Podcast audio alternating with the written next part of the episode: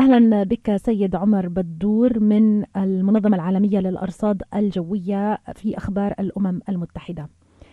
أهلا وسهلا. أردت أن أسألك عن شواغل منطقة الشرق الأوسط على وجه التحديد يعني التقرير آه ذكر آه وفيات في اليابان ذكر تداعيات مالية واقتصادية في دول مثل الأرجنتين.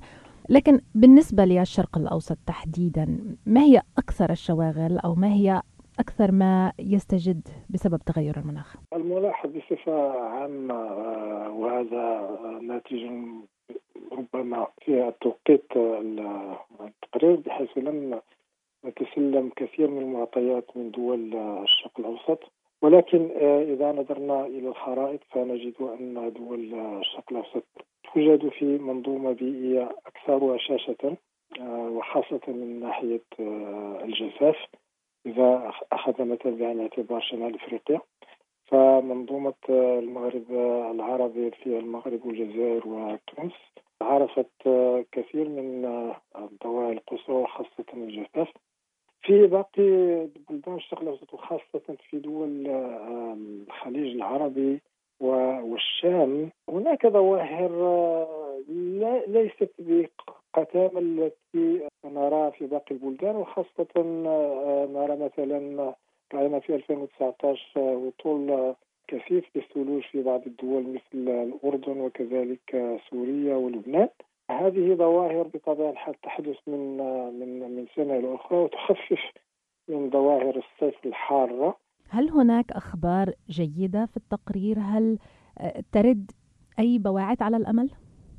الزمن مع الأسف أصبح يتقلص بشكل كبير إذا أردنا أن نحقق الأهداف التي اتفق عليها في اتفاق باريس 2015 اتفاق باريس الذي يستهدف التقليل من الحرارة إلى أقل من 2 درجة وأقل من 1.5 نحن اليوم في 1.1 نحن نبتعد شيئا فشيئا عن عن هذه الأهداف ولكن هذا يعني أنه إذا أردنا أن نصل إلى أهداف فإن ما كان سطر في باريس أضحى غير كافي.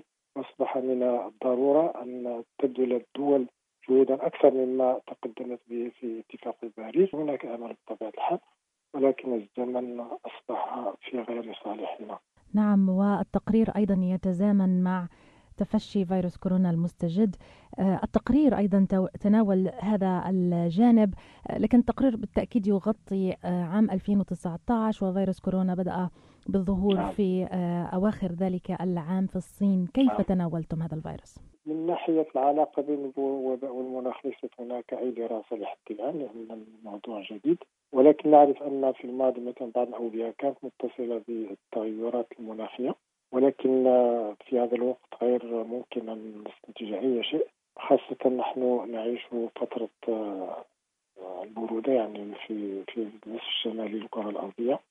وهناك يعني علاقة بين البرودة وانتشار هذا الوباء.